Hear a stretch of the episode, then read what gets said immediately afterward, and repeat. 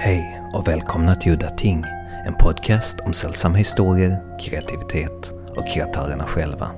Mitt namn är Henrik Möller, musiken är skapad av Testbild och loggan till podden är gjord av Malmökonstnären Nalle Chinsky.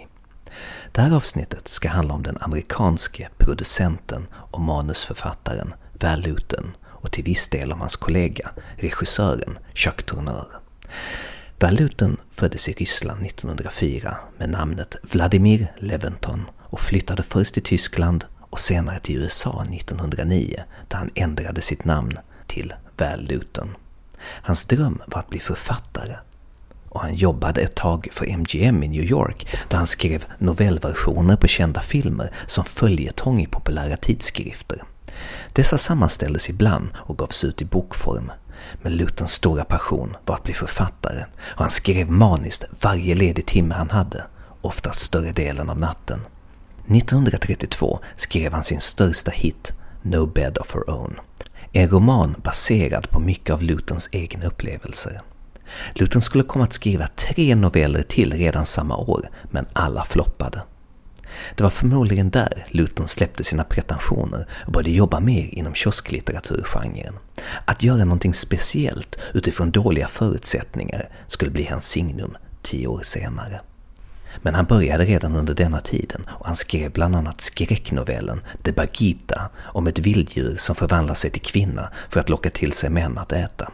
The Bagita publicerades i Weird Tales Magazine, en tidning där H.P. Lovecraft publicerade majoriteten av sina historier. Luton flyttade till Hollywood och hjälpte filmmogulen David O. Selznick att skriva manus. Dagens gäst, Troy Howarth, berättar. Selznick put him in charge of the uh, second unit on uh, A Tale of Two Cities. And uh, interestingly enough, the uh, second unit director that was hired for that was Jacques Tenner. So that was how they came to meet. Uh, that was back in 1935. Vid ett tillfälle så trodde Luton att Borta med vinden skulle bli en flopp och varnade producent Selznick för detta. Inte så bra.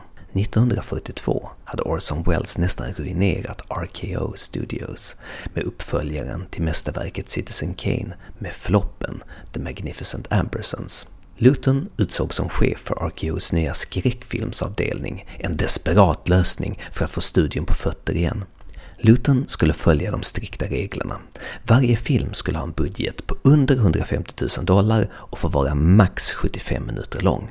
Hans överordnade skulle bestämma filmtitlarna. Well, I think they were concerned that um, Luton's kind of more uh, highbrow sensibilities, he he might try to uh, come up with with uh, concepts and ideas and so forth that maybe wouldn't be to their liking. They knew that if they gave him a title, even if it was a title he hated, like Curse of the Cat People, for example, um, as long as that title was on the poster and that could pull people in, he was pretty much free to do whatever he wanted to do with that. Um, he was free to make the films as literary, as thoughtful, as uh, as subtle, as intelligent as he wanted to, uh, but again within the budget and uh, within the time frame. So as long as he continued to make these films uh, cheaply, quickly, and within the prescribed guidelines, he was free to do whatever he wanted to do. He didn't like titles like Cat People or I Walked with a Zombie, but he was intelligent enough that he could take those titles and turn them into something special. Den första filmen var Cat People, ett manus som stank kalkon och riktade sig till en ung publik med ett sug efter snabb spekulativ underhållning. I think it was very much inspired by the success of The Wolfman. Universal was kind of the, the main studio in town when it came to horror films, and Val Lewton didn't like Universal horror films. Um, he was he was quite uh, condescending about them, as a matter of fact, and and he had a notion that you know the Universal movies were always about uh, you know kind of a werewolf chasing a girl in a nightgown up a tree. He wanted to make movies that were much more um, literary and much more psychological. Ganska restriktivt, men Lewton, besatt av att göra skit i guld, jobbade dygnet runt. Han skrev om manuset och samlade ihop de bästa medarbetarna han kunde hitta. Den kanske viktigaste av dessa var filmens regissör, Chuck Turner. Chuck Turners pappa var filmregissör och han hade därför jobbat i filmbranschen redan sedan han gick på high school. Turner var en av de där fynden, alltså ett geni som ännu inte hade slått igenom i branschen. Chuck Turner beskriver Luton. He was a dreamer and an idealist. I am a realist. I always brought him back to earth. You need that in a partnership. He'd go off into flights of fancy and I'd say, well, look, this can't be done. I'd pull him down and he'd bring me up. That was good. Without me, he would have been out of business. He was so impractical. He lived in another world. Every afternoon, we'd have tea and stop everything. For one hour, we'd talk about everything except the film. Det omskrivna manuset hade nu gått från standard monster B-film till suggestiv historia om immigranter, dess identitet i USA, sexuellt förtryck och sexuell identitet. Um, it's kept rather ambiguous for a lot of the film as to whether or not she is actually or is not uh, actually possessed by some kind of uh, of a of a uh, a spirit which causes her to change uh, into a, a, literal cat person, but uh, the the approach of the film is very much the opposite of what you would get at a typical Universal horror film, where you would have Lon Chaney Jr. turning into the Wolfman on camera, and you you see him stalking through the forest, uh, you know, uh, with his hairy makeup on. This approach was was much more low key. Also, the fact that the movies were budgeted so low, this worked in the sense that there wasn't time and there wasn't money to do a lot of special effects. So it was better to keep things in the shadows and sort of hint at them as opposed to putting something on the screen that would just look laughable. Lutens sätt att skriva manuset var så subtilt så att han hade testat att skriva det på två sätt så att storyn skulle kunna fungera även utan de övernaturliga elementen. Och även de, som sagt, de övernaturliga elementen lämnas fortfarande öppet, huruvida det överhuvudtaget finns något övernaturligt i filmen. Turner gjorde det mesta av Lutons manus med noga utvalda kameravinklar, expressionistisk ljussättning med långa skuggor och nyskapande ljuddesign. Ett banbrytande recept på skräckfilm som skulle komma att kopieras i generationer framöver. På grund av filmens låga budget användes listiga iscensättningar istället för specialeffekter och monstermasker. En av de mest kända scenerna är när huvudpersonen blir förföljd nerför en mörk öde gata och vi bara hör fotstegen och morrandet av en panter. Plötsligt blir det knäpptyst och en stund senare kör en buss rakt in i bild så att publiken hoppar till. En av filmens kanske allra första så kallade jump scares. I en annan scen förföljs en annan karaktär, Alice, på ett liknande sätt i ett mörkt badhus och hon hoppar snabbt ner i poolen där hon känner att kattdjuren inte vågar följa efter. Vilddjursvrål ekar tillsammans med Alice skrik mellan kakelväggarna till ett skuggspel av vattenvågor på väggarna.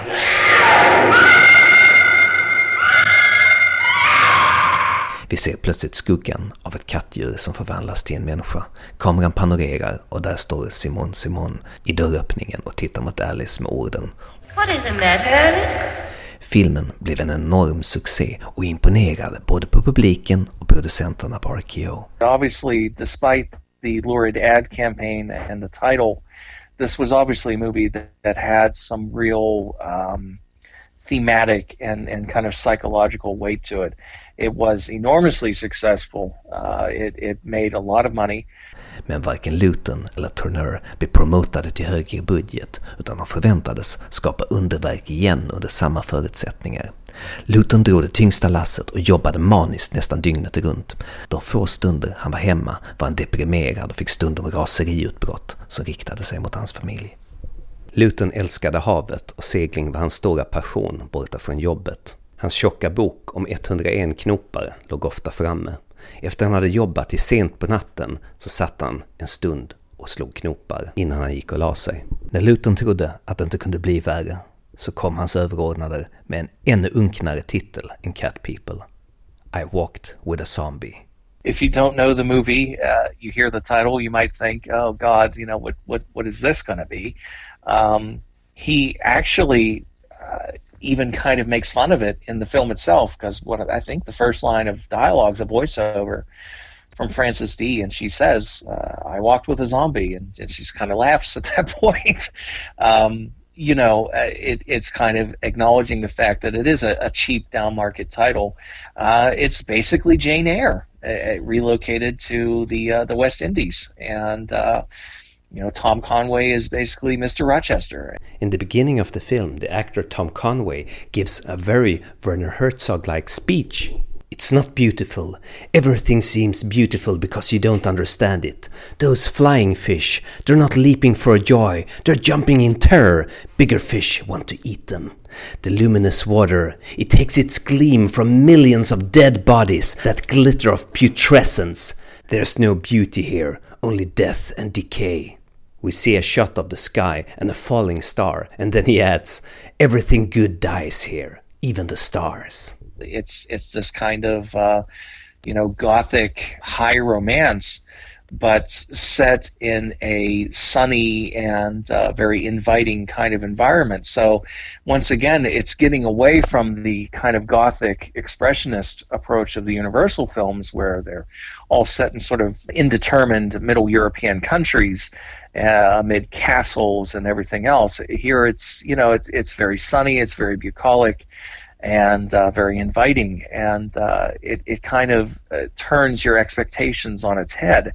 It, it's a very very low key, extremely poetic movie. Uh, I think it's the best of the Tourneur directed Lewton movies. It really works beautifully from beginning to end. It just has this tremendous sense of of atmosphere and uh, it's legitimately at times very very spooky without being overtly uh, horrific. There's that great sequence where Frances Dee is leading the uh, the woman through the uh, sugarcane fields, and they they run into this uh, kind of uh, sentinel figure played by Darby Jones, I think the actor was this huge hulking zombie figure, and uh, it's it's it's genuinely kind of creepy and spooky and unsettling, but nothing horrific happens in it.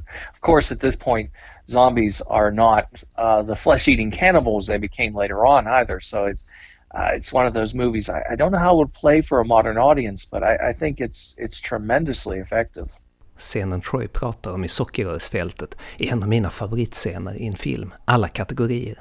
De går sent på natten genom det höga fältet där de hittar okulta attiraljer som cirklar och benbitar och upphängda mumifierade djur i träd och ett sorts djurkranium eller liknande perforerat av hål som skapar ett spöklikt vinande ljud när vinden blåser igenom det. Vi följer deras ficklampor över marken som plötsligt stannar vid ett par fötter. Kameran följer ficklampsljuset upp längs kroppen och upp till ett stelt zombieansikte med utstående ögon. I bleknade kopior och bakom kulissen-bilder så ser man det dåliga sminket. Alltså att de byggt en mask som täcker skådespelarens ögon och som sen ersatts med groteska utstående plastögon. Men i den restaurerade kopian av filmen så funkar det än idag otroligt bra. Som Troy säger så händer det inget speciellt i scenen, den är bara helt enkelt creepy. Men Lutons filmer är filmer för en publik med lite fantasi. Istället för att visa någon sorts våldsam konsekvens så bara laddar han och laddar och det är vår fantasi som får göra resten. Detta fungerar så bra eftersom filmens stämning är så oerhört stark. you know it's kind of a, kind of cinematic alchemy in a way isn't it it's so many people if they were given a title like uh, i walked with a zombie they would just you know, let's face it they would just turn out something terrible but uh, he was able to take that and use it as a starting point for one of the most beautiful uh, genre films of its time. I, I also rather like all the little uh, bits with the uh, calypso singer, uh, Sir Lancelot, who's almost kind of a, a Greek chorus throughout the film. Um, he kind of comes in and out and comments on the action by song. Uh, he actually ended up showing up in a couple of the other Lewton films. He's in Curse of the Cat People, for example. That's a very interesting character and a very sensitively portrayed character. And it's one of the things that stands out about Lewton's films is obviously Lewton himself had tremendous uh, sympathy and, and, empathy for um, minority figures. I mean, you don't see the uh, the kind of bug-eyed, uh, comedic black servant characters in these films that you'll see in a lot of the other movies um, during this time. I mean, really, in hindsight, uh, there was a lot of very casual kind of racism in, in Hollywood movies at that time. You don't get that in Lewton's movies. He, he really seemed to have great respect for people in general. En sak som bör nämnas är att de kvinnliga huvudrollsinnehavarna, speciellt för sin tid, i skräckfilmsammanhang då, är starka och handlingskraftiga. Med detta sagt så blir de såklart rädda, de är ju inga övermänniskor. Man har ju ingen skräckfilm om huvudpersonen aldrig blir rädd. I Walked With A Zombie blev inte riktigt lika överväldigande succé som Cat People, men hur som helst en stor succé och RKO-cheferna drev på Luton och Turner att skapa magi på lågbudget ytterligare en gång. Och denna gången göra något med kattdjur igen för att kanske närma sig den filmens ekonomiska framgång. Filmen blev The Leopard Man och Luton bara fortsatte bränna ut sig med sitt maniska tempo genom att in i minsta detalj övervaka och fixa alla delar av filmens produktion. Yeah, The Leopard Man, um, basically based off of uh, Cornell Woolrich story. It was a Black Alibi, wasn't it? That's a movie that, in an interesting way, I think it's it's one of those movies that is uh, kind of a, a, prototype for what would become the Jallo film later on. Uh, it, it is a psychological thriller with a series of um, rather disturbing murders for the period of time. As a matter of fact, there's a sequence in uh, The Leopard Man that, that, Dario Argento explicitly restages in Four Flies and Grey Velvet, uh, where the girl gets locked into the cemetery at night and uh, she's calling for help from a passerby, and then she gets killed off before the uh, passerby can, can get to her. Um, there's a fantastic sequence where the little girl uh, is forced to go out and buy some sugar by her mother. And um, uh, she's being punished, so she's locked outside, and the killer is coming to get her, and, and she's begging to be let in, and the mother won't let her in. And you know, climaxes with the, the pool of blood uh, coming under the door. Uh, that scene definitely inspired Mario Bava in uh, Baron Blood, for example, as well. So that's a movie that, although it's not usually spoken of as well as a lot of the other Lewton movies, it's it's had an interesting kind of influence in its own way, and uh, it's an interesting film in that it's um, the, the, it it basically focuses on a lot of characters who aren't really terribly sympathetic. Uh, you know, a lot of people in the in the film are somehow uh, directly or indirectly responsible uh, for all the horrible things that are going on.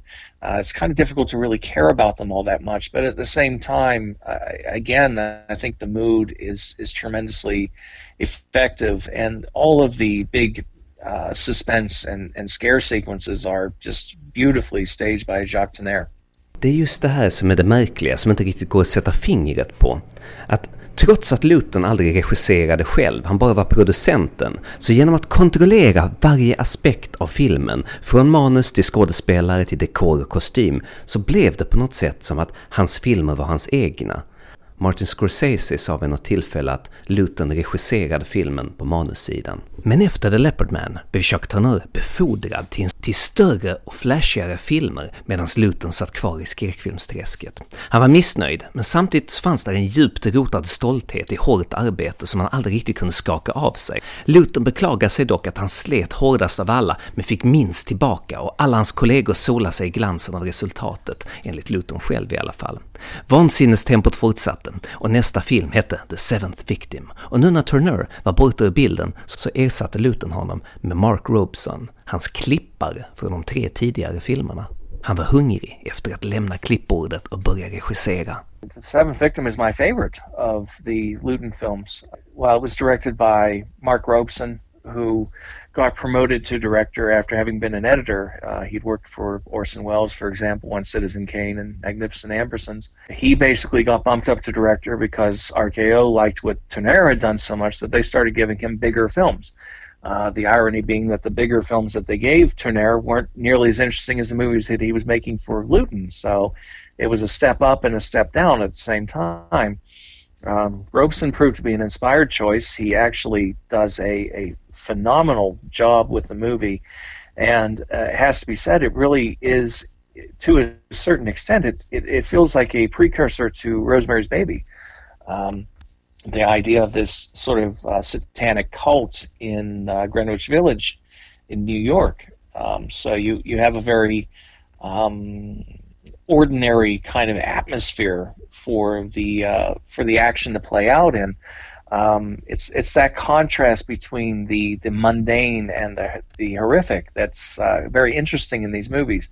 Again, completely different from the Universal approach, which is more kind of that sort of fairy tale, expressionist kind of a thing. Um, you you expect bad things to happen in those films, whereas here they really go to a lot of trouble to establish an atmosphere of normalcy only then to sort of gradually pull the ground out from under you. And uh, little details kind of happen throughout the movie, and um, uh, when they accumulate, it becomes more unsettling and more um, uh, frightening. Um, and as a matter of fact, the movie ends with something that's absolutely shocking for a movie, a Hollywood movie of that time, and then that's uh, character commits suicide.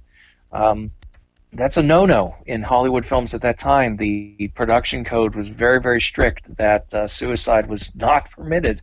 Somehow they were able to sneak that by, and it's only by the uh, combination of a sound effect of a chair tipping over and of uh, of uh, the the character walking down the stairs, the um, Elizabeth Russell character walking down the stairs.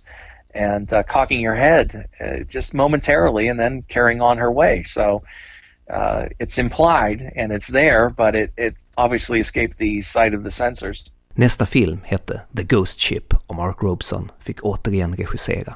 The Ghost Ship was the one that was really not seen for many, many years. It, it was, I think it was pulled from circulation for a long time. And um, it was a movie that you know you could read about, but you couldn't see it. And uh, fortunately, now it's been made available, and uh, you can see it. I think it's a good film. It's it's one of the weaker Luton horror films, but let's be honest, even a weak Val Luton horror film is better than a lot of the competition. En av de scenerna som imponerade på mig när jag såg The Ghost Ship första gången var den fantastiska karaktärsskådespelaren Skelton Nags som spelar en stum man. Vi zoomar in på hans ansikte medan vi hör hans tankar. This is another man I can never know because I cannot talk with him, for I am a mute and cannot speak. I am cut off from other men, but in my own silence I can hear things they cannot hear, know things they can never know. Förutom Skelton Nags-karaktären finns en annan karaktär, en blind tiggare, som visar sig vara synsk, som ger huvudpersonen lite råd i början av filmen. Jag tycker mig se någon sorts tema här, som tyvärr förblir mystiskt. It has a really good performance from Richard Dix uh, as this uh, homicidal uh, captain of this ship who is just kind of, you know, in a way, it kind of plays out like a, uh, a horror version of the Caine Mutiny, where you have this this paranoid captain uh, who believes that um, these people are conspiring against him, so he starts killing them off uh, appropriately in a, in a horror film context. Um, it's it's a very interesting movie. I, I think um, again directed by Mark Robson. Uh, it's not talked about as much as the others, probably just because it was unavailable for so many years. Was there ever a supernatural element in the Ghost Ship? Although the title certainly suggests it, I can't remember if there was one. Well, I don't think that any of the uh, Lewton films really um, make it 100% clear uh, whether there is or is not a supernatural. It, it, there's that kind of psychological element that uh, cuts through the movie. Personally, watching the film again just recently, no, I don't think the movie is, is supernatural. I, I do think that it is ultimately a psychological um, case study. But uh, depending on what your point of view is, maybe you, you could interpret it a little bit differently. But I, I think of it as a psychological movie. Interestingly, a young Lawrence Tierney makes an appearance in it. He's in probably the film's big uh, kind of gruesome scene. He, he plays a sailor who uh, incurs Richard Dix's displeasure um, by questioning him at one point. So he ends up getting killed uh, by the by the giant chain, um, the, anchor that uh, they, they are trying to get fastened, and uh, Richard Dix engineers an accident for him to get killed. Uh, you wouldn't know it was him if you if you didn't know if you know somebody didn't point him out to you. Obviously, he was he was quite young then, and this is long before. Um, well, not that long before he played Dillinger, but nevertheless, it's it's just a small part. Yes, but he was a very charismatic, eccentric actor, so it was fun to see him as a young guy in this film. Oh yes. Oh well, he was he was a handful in real life. I mean, he he was uh, he had uh, definite problems with the law. Let's say. Then came the film with maybe the worst title of them all, "Curse of the Cat People." A film in which it is clear that the studio wanted a sequel to Cat People, but Lewton clearly had a strong vision here for a much more personal film and really delivered something completely different, a trick that could never be used today. I think there was there was an element to that story that they thought could be sequelized in a way that you couldn't really do a sequel to. You know, what were you going to have? I Walk with a Zombie again, or or uh, you know, The Return of the Leopard Man. Uh, so, Curse of the Cat People just kind of made sense, and and obviously it's the most horrible title. It's so schlocky. It just sets you up to expect a, a really bad kind of horror film, and he created instead this extremely sensitive movie about adolescence. Uh, basically, the the husband, uh, who, funnily enough, the character's name is Oliver Reed. This was uh, before. I mean, Oliver Reed was alive at this time. It was before he became a, a well-known movie star. Um, he's played by Kent Smith, and uh, he has since married the uh, the the character played by Jane Randolph um, from the first film. Now that he's a, a widower, and uh, they have uh, a a little girl, and the little girl is sort of awkward and, and socially maladjusted, and, and in a way is overly protected by her parents and she spends a lot of time in her own uh, kind of world of imagination. And somehow, I think from from overhearing things that her parents have been talking about and seeing pictures of uh, the Irina character, Irina played by Simone Simon, who uh, was the lead in the original film, has conjured her up in her mind as a kind of imaginary best friend. And so the the uh, the you know the character of Irina, the cat woman from the original film, has come back as a kind of guardian angel for this little girl, and uh, she's drawn to this um, house, uh, the local house, uh, where an old spinster and her uh, her younger but uh, very uh, sort of forbidding daughter is, lives with her. Um, she goes there, and this this older woman uh, favors her and, and gives her presents and, and shows her a lot of adoration, which makes her own daughter extremely jealous because she's always been so emotionally distant from her. So it's really it's a movie that's about uh, the relationship between parents and their children, and how parents sometimes uh, basically are so wrapped up in their own problems that they kind of ignore their children, and uh, sometimes that places them in some kind of a danger it's not really a horror film at all, uh, although it is uh, kind of suspenseful in parts. It's a very sensitive and, and low key drama. I remember seeing it for the first time when I was a kid, and I hated it because I was expecting something completely different. And I'm sure a lot of people had that reaction down through the years. I should mention too, it started off with a, a different director. It started off with a, a man named Gunther von Fritsch, uh, about whom I really don't know much, but um, basically uh, he was taking much too much time. As usual, there was a lot of pressure uh, from the studio to get things done on time and on budget. So when he fell behind schedule, uh, Lewton uh, decided to promote Robert Wise to direct. And that was really the beginning of Robert Wise's career as a director. Um, and uh, he would he would remain very grateful to Lewton himself, and of course, years later directed a horror film uh, very much in the Val Lewton style called The Haunting, which is uh, a very well regarded haunted house movie. Um, it probably I don't know that the film was enormously successful at the box office. I, I'm not sure if it was or not, but you're absolutely right. The the critics definitely understood what a really tasteful and uh, and and sensitively made movie it was. But uh, you know, if if you go in to see a movie called Curse of the Cat People and you see a movie like this, it's bound to cause a little bit of confusion. Next up was two pictures that don't really belong in this podcast. They're called Mademoiselle Fifi and Youth Runs Wild.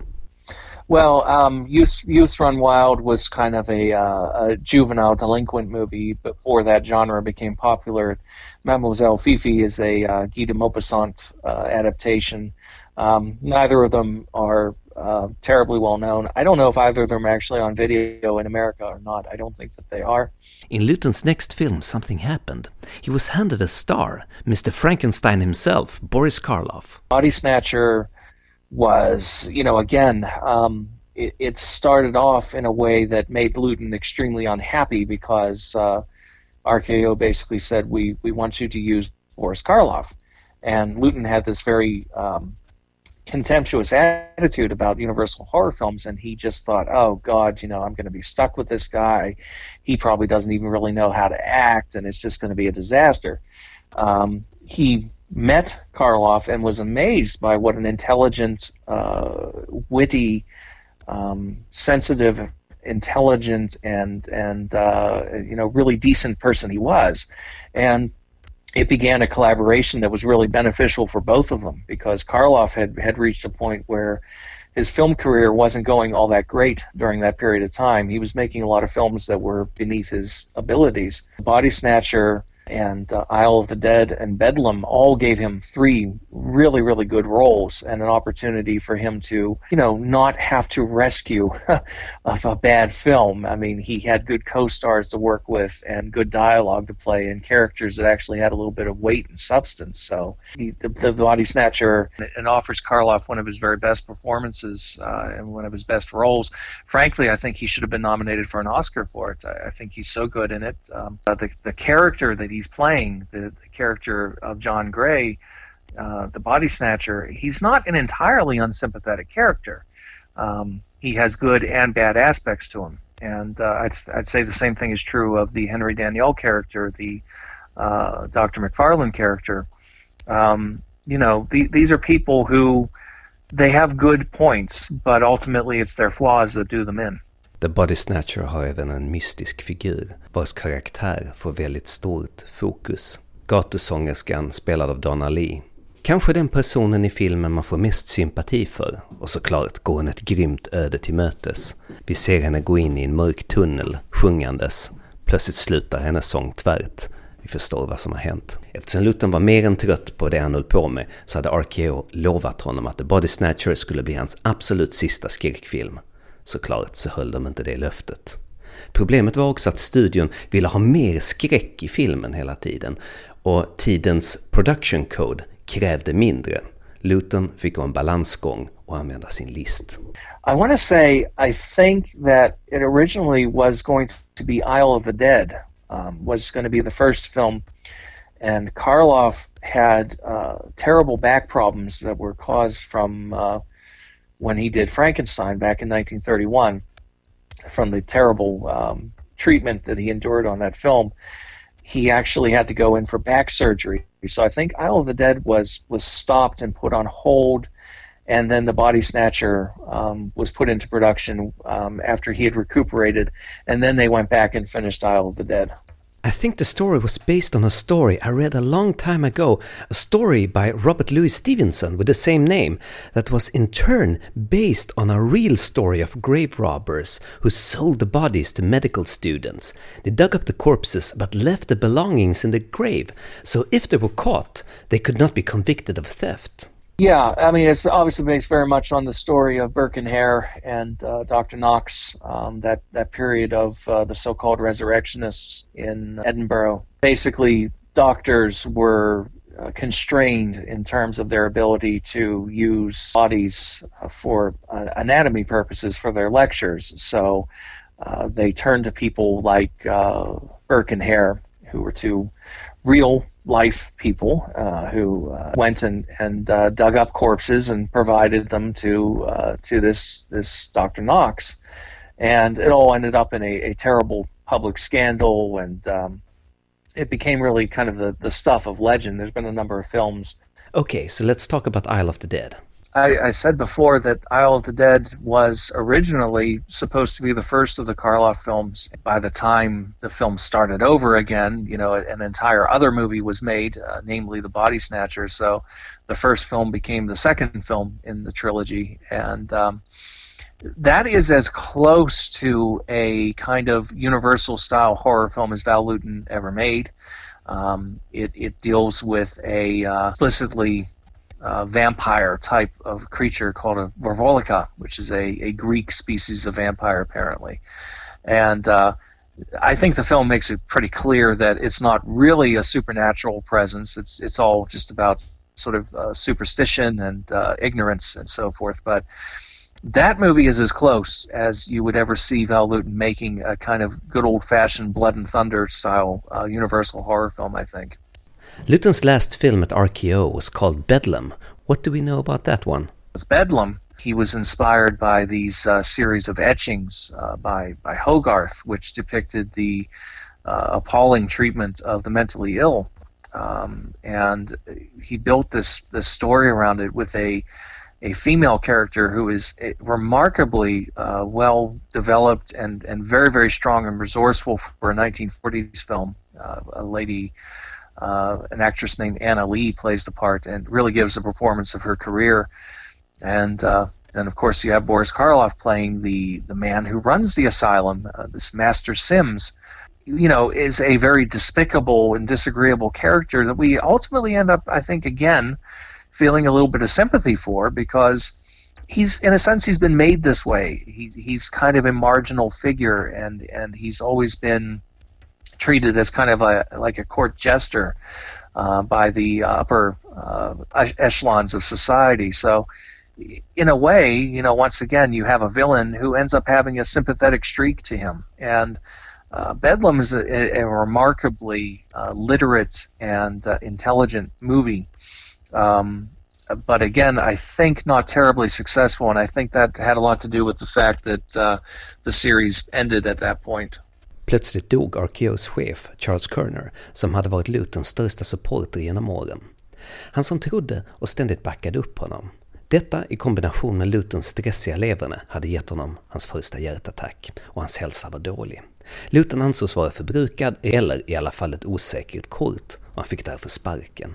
Medan Mark Robeson och de andra i Lutons team fick stanna kvar så blev detta ett hårt slag för Luton som alltid hade betraktat sina medarbetare som familjemedlemmar och var väldigt lojal mot dem. Vid ett tillfälle så hade Luton blivit erbjuden en högre budget mot villkoret att han skulle byta ut Robeson mot en mer välkänd regissör. Luton hade vägrat och backat upp Robeson, fast nu fanns det ingen som backade upp Luton och hans färd mot botten hade börjat. I know they primarily got rid of Lewton because of his health, but do you think it was also because Bedlam wasn't successful enough? I don't. I mean, I doubt that any of these movies could have lost their money because not much money was put into them. But it didn't make as much, and I think at that point they basically said, "Okay, that's it," and uh, which coincided really. This is around 1945. This is around the time that the genre was kind of going into a bit of a hibernation anyway. Um, the end of World War II, and uh, you know even Universal was kind of getting away from making horror films at that point and and trying to make more prestigious movies. So that whole kind of period pretty much just came to an end anyway. Luton fick jobba på MGM hans sista år i livet och levererade få minnesvärda filmer. Apache Drums är en film som jag inte har sett, men den räknas i alla fall som den mest Lutoneska filmen och liknar kanske mest då det som Luton gjorde hos RKO. Såklart så fortsatte Lewton att jobba på i högt tempo trots sin tidigare hjärtattack.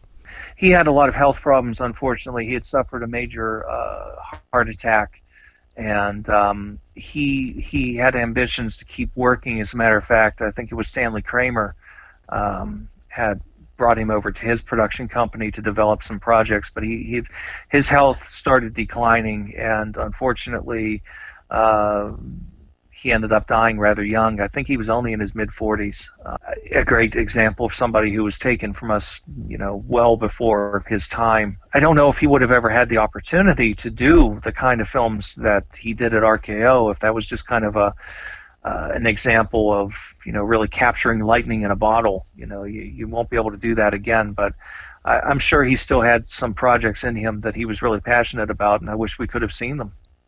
För att det här avsnittet inte ska bli för långt så har vi tyvärr bara skrapat lite på ytan om Luton och hans karriär. Skulle det vara någon som är intresserad av att veta mer så kan jag rekommendera boken Fearing the Dark av Edmund G. Bansack som ligger till grund för den här podden. En fantastisk bok samt dokumentärfilmen producerad av Martin Scorsese, Val The Man in the Shadows. Också mycket bra rekommenderas varmt. Ja, och med de orden var det slut för den här gången. Mitt namn är Henrik Möller, musiken är skriven av Testbild. Hej då!